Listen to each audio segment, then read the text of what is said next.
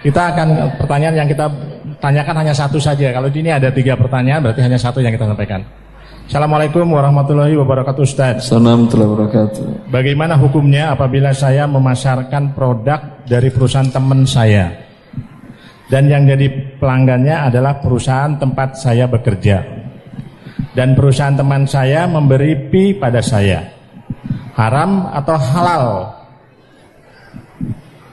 pemberian dari teman saya itu jazakumullah khairan katsiran syarat. Assalamualaikum warahmatullahi wabarakatuh. Assalamualaikum wabarakatuh.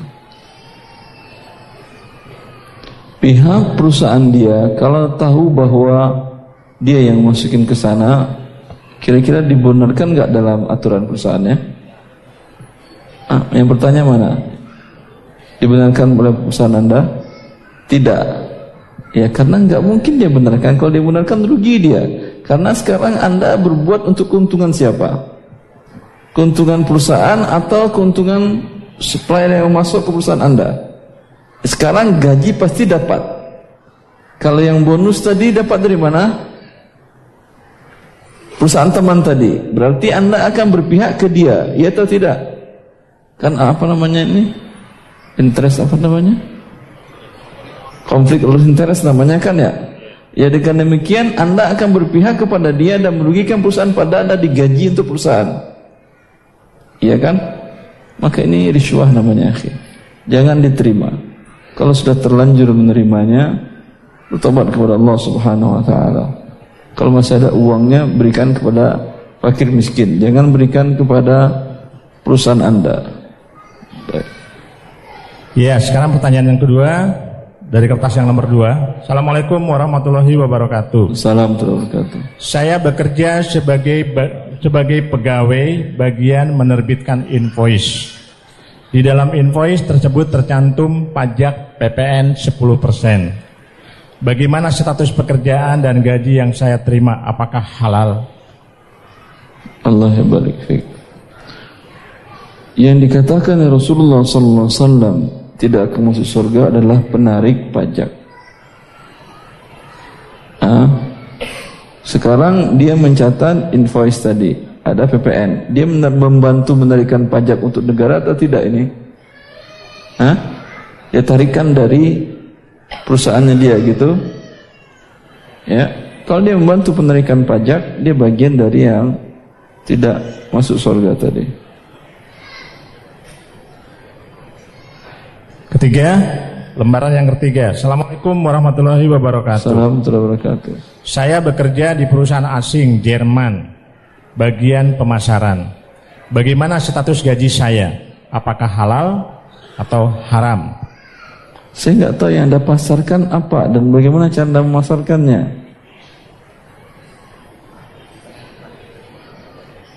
Ada yang bertanya tadi yang Jerman tadi? Ya Bapak.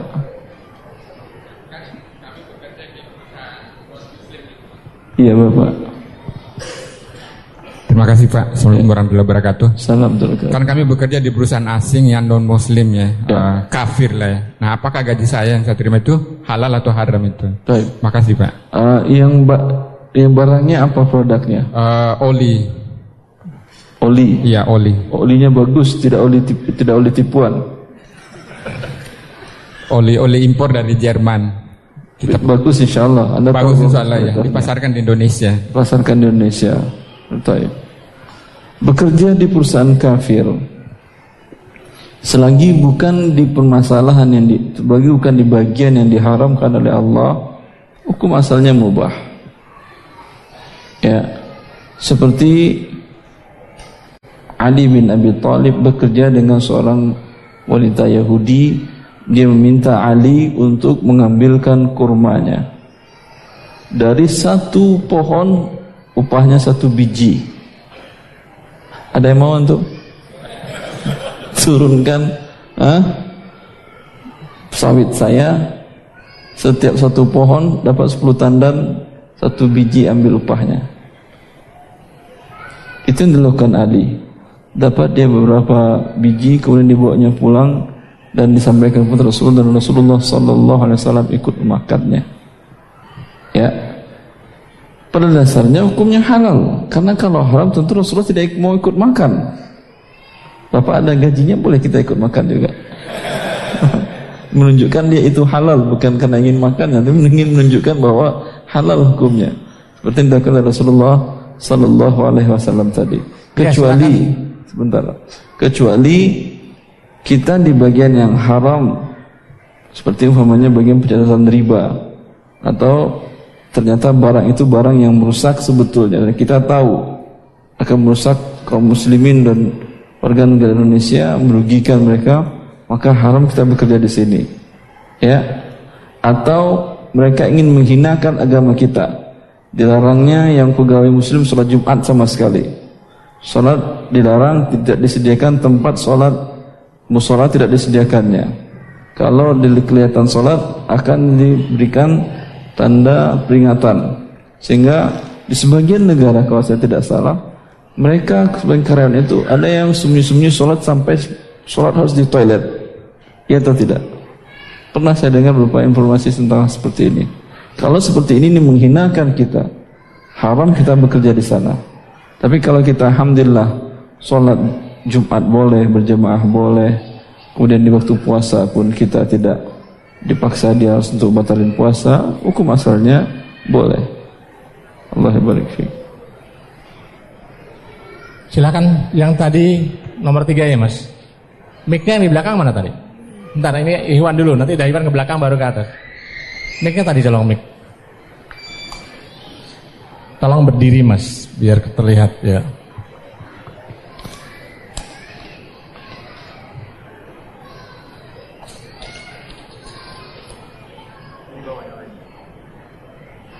Bismillah. Assalamualaikum warahmatullahi wabarakatuh. Waalaikumsalam warahmatullahi wabarakatuh. Barakallahu fiik Ustaz. Allah barik fiik ya. Uh, Anda mau bertanya Ustaz, ada satu kasus. Uh, jadi ada si A ini penjual barang dan si B ini pembeli. Satu saat si A ini uh, si B ingin satu barang kepada si A, tapi si A tidak memiliki barang dan barang tersebut uh, sulit didapat. Adanya di dekat jaraknya dengan si C. Atas saran si B, bagaimana kalau si C yang membeli barang, lalu si penjual menyetujuinya? Si C beli barang. Ah. Si C itu pihak ketiga, Ustadz. Terus? Jadi si A itu menyetujuinya dengan mentransfer sejumlah uang ke si B apa ke C? Ke si C untuk barang tersebut. Ternyata Berarti A berakar dengan C. Iya betul. Terus? Uh, dan diketahui bersama oleh si penjual dan si pembeli kalau si C ini orangnya amanah. Ternyata qadarullah di setelah uang ditransfer si C ini uh, tidak amanah Ustaz. Jadi si A ini uangnya hilang dipakai oleh si C. Yang saya ingin tanyakan ini untuk penggantian kerugiannya ada di mana Ustadz? Apakah si B mesti mengganti sedangkan si C-nya ini tidak mau mengganti? Hilang begitu saja. Taib. karena awalnya saran dari si B dan si A itu pun kenal dengan si C. Uh, orangnya amanah seperti itu. Taib. penggantiannya ada di akhirat. Oh. Jelas tuh yes. Si B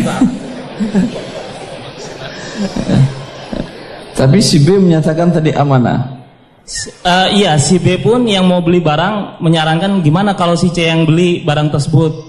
Dan si A pun kenal dengan si C. Oh, si A sudah kenal dengan C. Betul. Berarti Dan si akhirnya B, dua orang ini menyetujui. Si B tidak ada tanggung jawab. Tidak kena. Ya, tapi penyelesaian hutangnya di akhirat nanti. Oh, iya, iya. Si C pasti bayar, jangan khawatir. Iya, ya, jazakallahu khairan, Ustaz. Assalamualaikum warahmatullahi wabarakatuh. Ya, tolong mic-nya ke belakang mas. Mic-nya taruh di belakang ah, ahwat di belakang tadi ada yang mau tanya. Ya bu, ya oke silakan mulai. Berdiri silakan. Dinyalain dulu dan ditanyakan ke atas ya.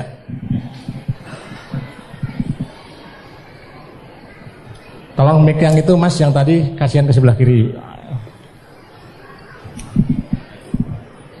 Coba mic-nya tolong.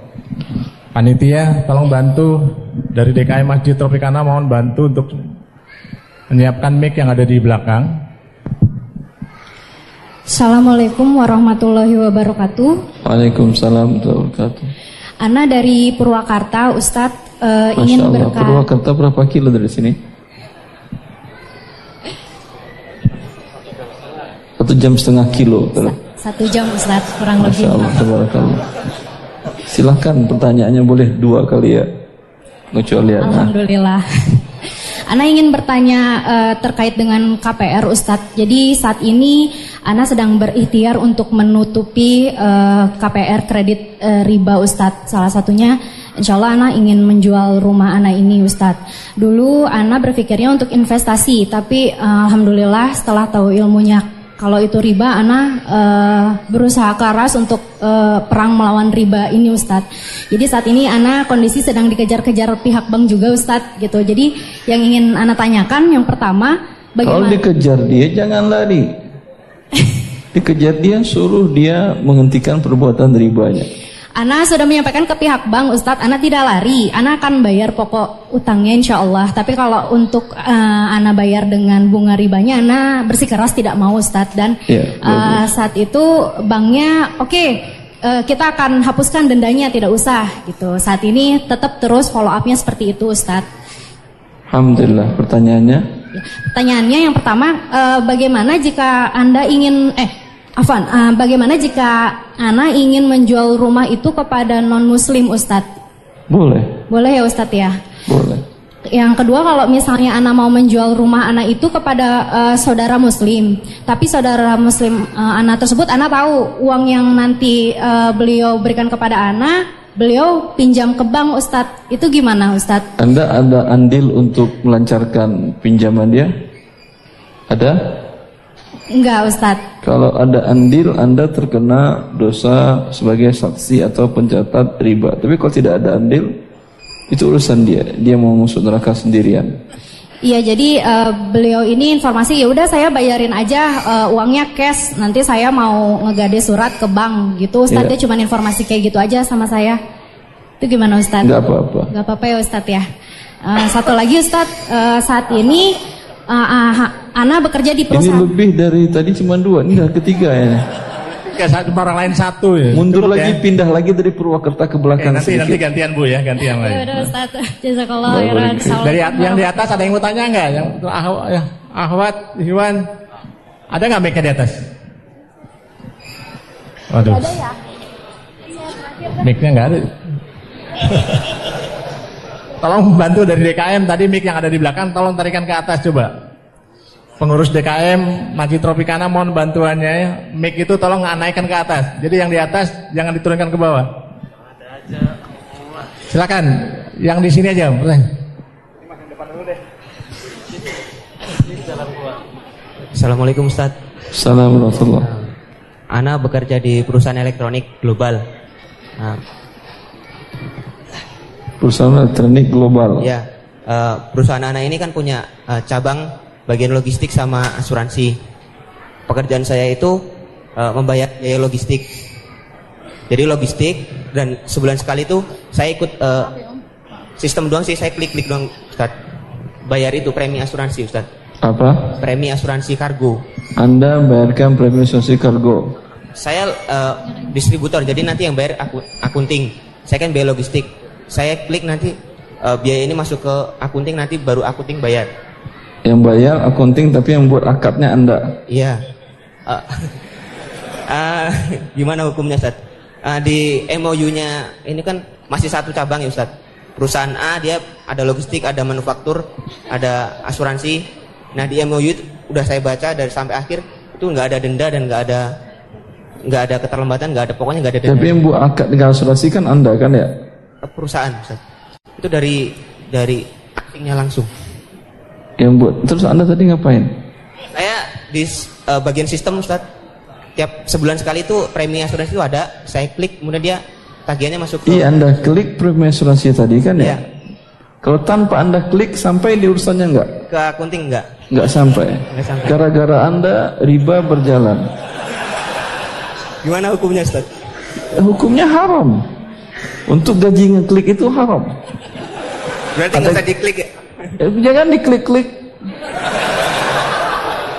Walaupun nggak ada dendanya, Ustaz. Ini kan premi asuransi. Premi asuransi berarti ini adalah pembayaran ribanya. Ya, makasih Ustaz. Allah barik. Waduh, yang banyak tanya. Ya silakan yang di atas sudah siap ya. Ya silakan.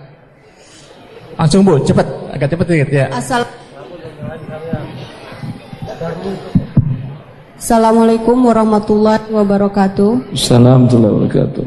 Eh, mau bertanya tentang MLM, Ust- kalau misalkan kita membeli apa maksudnya menjadi member MLM, tapi hanya untuk konsumsi sendiri itu boleh nggak? Wallahu taala alam. Umumnya barang MLM itu jauh lebih mahal daripada barang yang dijual dengan sistem distribusi biasa. Kenapa? Karena akan membiayai bonus untuk jaringan tadi. Ketika Anda hanya tujukan barang, maka Anda dirugikan karena mahalnya harganya jauh lebih mahal daripada harga pasar. Ya. Secara sahnya sah, cuma Anda tertipu. Tapi Anda tahu ditipu, kalau mau tahu ditipu gak ada masalah. Seperti umpamanya ada orang beli, Ustaz ini berapa harganya? Saya bilang, kalau di saya harganya 5000 kalau di sana 1500 di situ 1700 tapi saya 5000 Ah ya udah saya beli Ustaznya 5000 Boleh, boleh. Tapi saya sudah sampaikan kepada dia bahwa ini harga di atas harga pasar harga normal. MLM begitu. Barang dia yang mereka jual itu jauh harganya lebih dari sepertiga dari harga pasar barang yang sama. Kalau tidak percaya, Anda bandingkan sebuah produk yang MLM dengan produk distribusi biasa. Jelas? Jelas. Kalau Anda mau ditipu nggak ada masalah. Kalau sudah jelas langsung bawa ke sebelah kiri.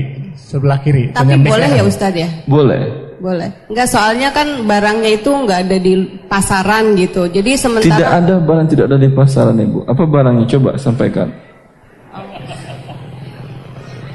Apa barangnya yang tidak ada di pasaran itu? biasanya seperti itu gitu. Jadi mereka Di awal semua di dunia ini, dari mana muncul harga pasar? Ketika muncul suatu barang, belum ada pesaing, harganya betul tinggi. Tapi ketika itu besok orang bikin barang yang sama, harganya pasti turun. Harga ini turun lagi, ya atau tidak? Tahun kemudian muncul pesaing kedua, ini harganya turun turun lagi, ya atau tidak? Seperti handphone pertama keluar harganya berapa? Jarang orang yang bisa mampu beli. Tapi sekarang anak kecil pun bisa beli handphone. Kenapa? Itu di awal keluarnya tentu harganya mahal. Maka tidak ada barang yang tidak harga harga pasar. Di awal harga pasarnya itu terserah dia karena dia tidak ada pesaing. Kemudian setelah itu akan muncul harga pasar. Jelas Ibu? terima kasih Ustadz. Baik, Ya, tolong ke mic-nya di sebelah. Ikhwan tadi sebelah kiri ada yang mau tanya. Ahmad satu lagi boleh enggak? Satu aja, nanti kita gantian. Sekarang Ikhwan di sebelah kiri dulu, tahu nggak? Mic-nya dipinta.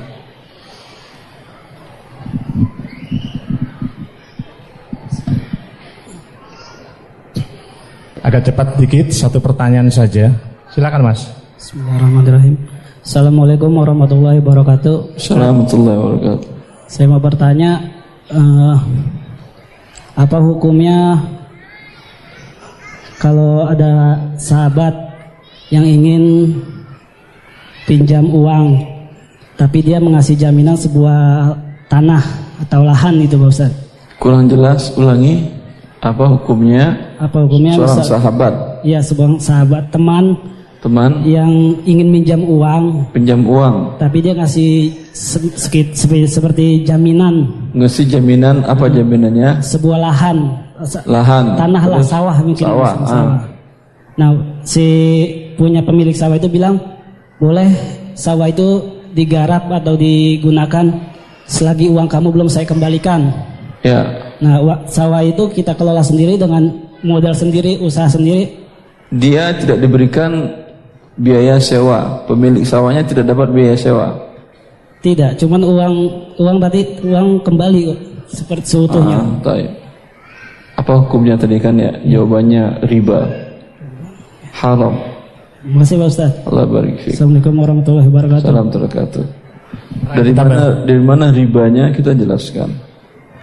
Dia pinjam 10 juta.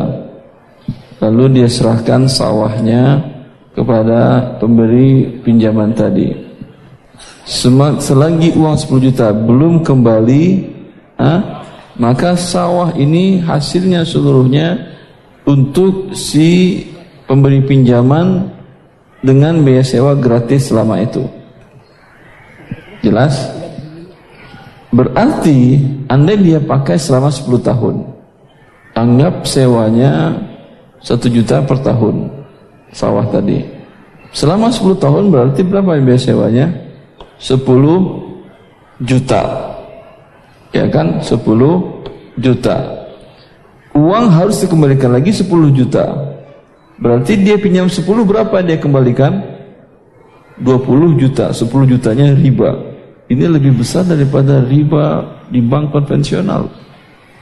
Bank konvensional paling 13%, dia 100% ribanya. Jelas Anda?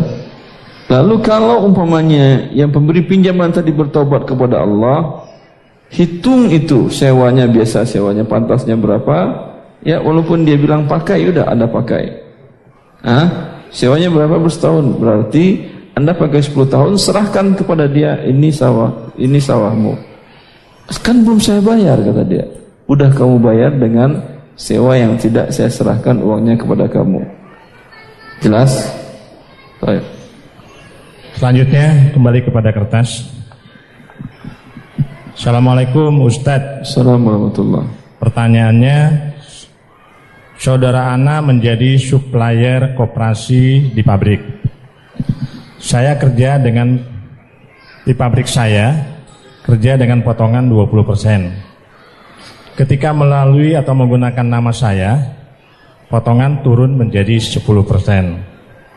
Bagaimana bila yang 10% dari 20% itu untuk saya dan kemudian anak sedekahkan? Bagaimana hukumnya yang 10% tadi Ustaz? Gak paham saya kasusnya gimana? Mana saya ini ada saya ini? Yang nanya ini yang mana? Yang pertanyaan ini? Biar jelas. Yang Tidak menanya ada. ini ada nggak? Orangnya nggak ada? Lewat. Assalamualaikum warahmatullahi wabarakatuh. Assalamualaikum wabarakatuh. Ana mau tanya, bagaimana caranya supaya Ana bisa lepas dari cicilan mobil? Ana oh. sudah berusaha iklankan mobil tersebut, namun hingga hari ini masih belum ketemu dengan pembeli yang cocok. Mohon caranya Ustadz. Anak kadang untuk cicilannya saja masih minjam ke sana kemari. Syukron. Allah Taib. Kalau mobilnya lama lakunya, ya jual rumahnya mungkin lebih cepat lakunya.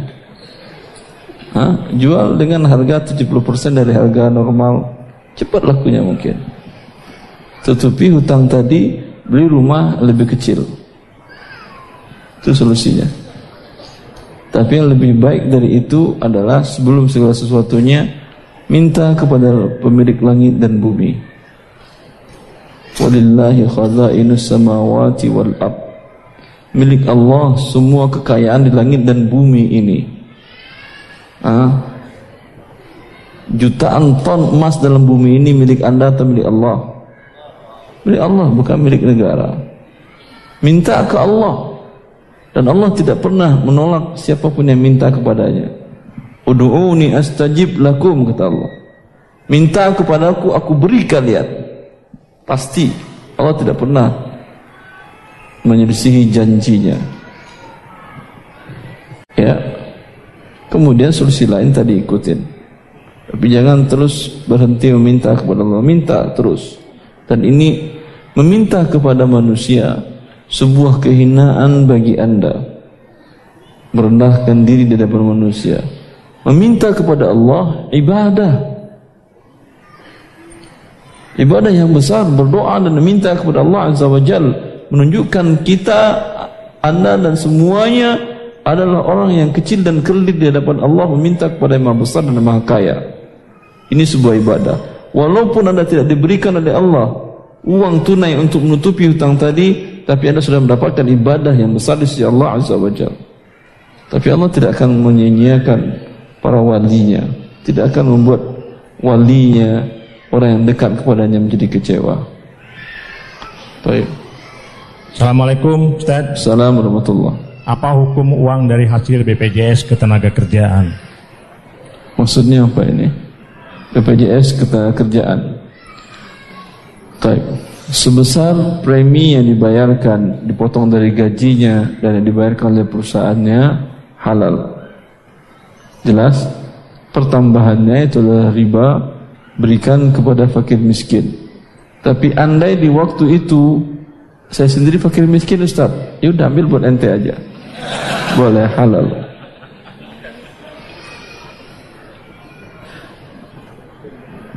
Ya berikutnya Assalamualaikum warahmatullahi wabarakatuh Ustaz Assalamualaikum warahmatullahi wabarakatuh Teman Ana sudah terlanjur KPR Belum ada lima tahun Teman Ana baru tahu KPR rumah itu adalah riba.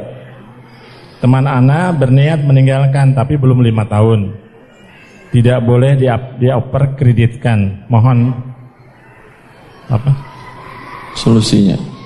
Mohon pemberian solusinya Ustaz.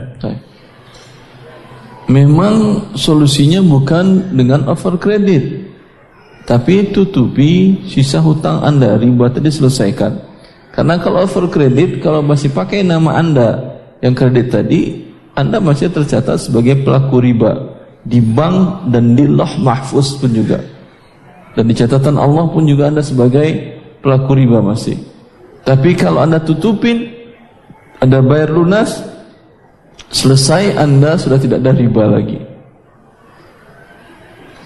Baik. Assalamualaikum Ustaz. Assalamualaikum Bagaimana cara atau solusi lepas dari riba? Di mana kondisi sekarang sudah berjalan KPR total 10 tahun, sudah jalan 5 tahun. Sama mungkin yang barusan. Sama, semua jawabannya sama dengan di atas. Silakan dilanjut. Assalamualaikum warahmatullahi wabarakatuh. Assalamualaikum warahmatullahi wabarakatuh. Ustaz. Ustaz terkait dengan jasa titip Ustaz. Jadi e, misalkan anak pergi keluar kota terus ada yang mau nitip oleh-oleh harganya sesuai dengan yang tercantum dalam nota. Lantas e, anak sampaikan ini karena ada jasa titip sekian. Pakai uang anda belinya tuh uang Pakai dia? uang saya. Ah, Pakai uang saya. Terus apakah itu e, dibolehkan Ustaz? Jasa titip tadi untuk imbalan apa? Untuk membeli oleh-oleh itu. Jadi uh, Anda belikan. Kalau yang imbalan barang jelas. Anda belikan 100 ribu, dibayar dia 100 ribu. Betul. Tapi Anda minta jasa lagi. Jasa, Berapa? ada jasa titipnya. Berapa? Umpamanya 10 persen ya? Uh, enggak nyampe paling 10 ribu gitu Ustaz. Ya kan 100 ribu 10 persen 10 ribu. Iya Ustaz. Apaan? Umpamanya 10 persen. Ah, ini imbalan apa? Imbalan untuk bawanya. Bawanya. Barang, barangnya, iya. Iya. Jasanya, jasa membawa barang. Anda membawa barang bayar nggak ke diri sendiri? Membawa barang ini bayar nggak ke diri sendiri? Enggak. Enggak. Berarti kan nggak ada imbalan. Kecuali Anda kirimkan mulai ekspedisi, bayar tambah ekspedisi itu halal. Karena masalahnya masalah hutang piutang. Iya. Hutang piutang tidak boleh ada pertambahan. Kalau Anda ingin dari awal jangan katakan kepada dia belikan. Akadnya begini, Anda kan ingin untung juga kan ya? Iya. Dan tidak ingin juga terjerumus ke dalam riba kan ya? Katakan kepada dia. Foto-fotokan seluruhnya. Baik. Ini saya beli dulu semuanya, dia kan pesan tadi. Ya, tapi ini saya tidak belikan untuk kamu. Saya belikan untuk diri saya sendiri dulu. Paham? Nanti setelah sampai di kota bertemu kamu, mungkin saya jual ke kamu, mungkin kamu tidak jadi, mungkin juga saya jual ke orang lain. Saya nggak perlu nunggu kamu. Paham? Paham. Ini berarti anda ada risiko kan ya? Iya. Ya, ini jual beli namanya boleh dapat keuntungan.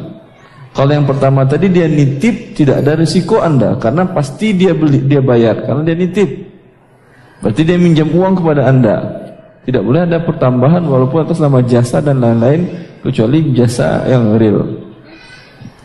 Mau pilih yang mana anda yang pertama yang kedua? Ada risikonya. Yang pertama memang risikonya riba, neraka risikonya. Yang kedua risikonya Anda setelah beli dia nggak jadi rugi. Tapi nggak apa-apa makan aja sendiri. Lebih baik nggak ada risiko tuh. Iya, terus kalau barang itu misalkan ada diskon, Ustaz. Tapi si, pen, si penjualnya itu ini anak kasih diskon, terus nanti eh, di invoice-nya itu ter- tercantum sekian gitu harga harga itu. Tanpa ada diskon, ada diskon. Ada diskon, tapi Di karena invoice ada diskon. di invoice-nya nggak ada diskon. Tidak ada.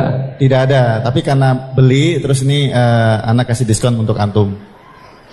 Misalkan 100 ribu, terus berapa yang harus saya bayar? Yaudah 80 aja, tapi udah tercantum 100 ribu. Berarti Anda pinjamkan dia 80 kan ya? Saya beli nih, Ustaz, beli barang itu. Ya tadi kan berarti Anda pinjamkan uang untuk si penitip berapa? 80 apa 100? 80, Nanti dia bayar berapa ke Anda? 100. Apa namanya?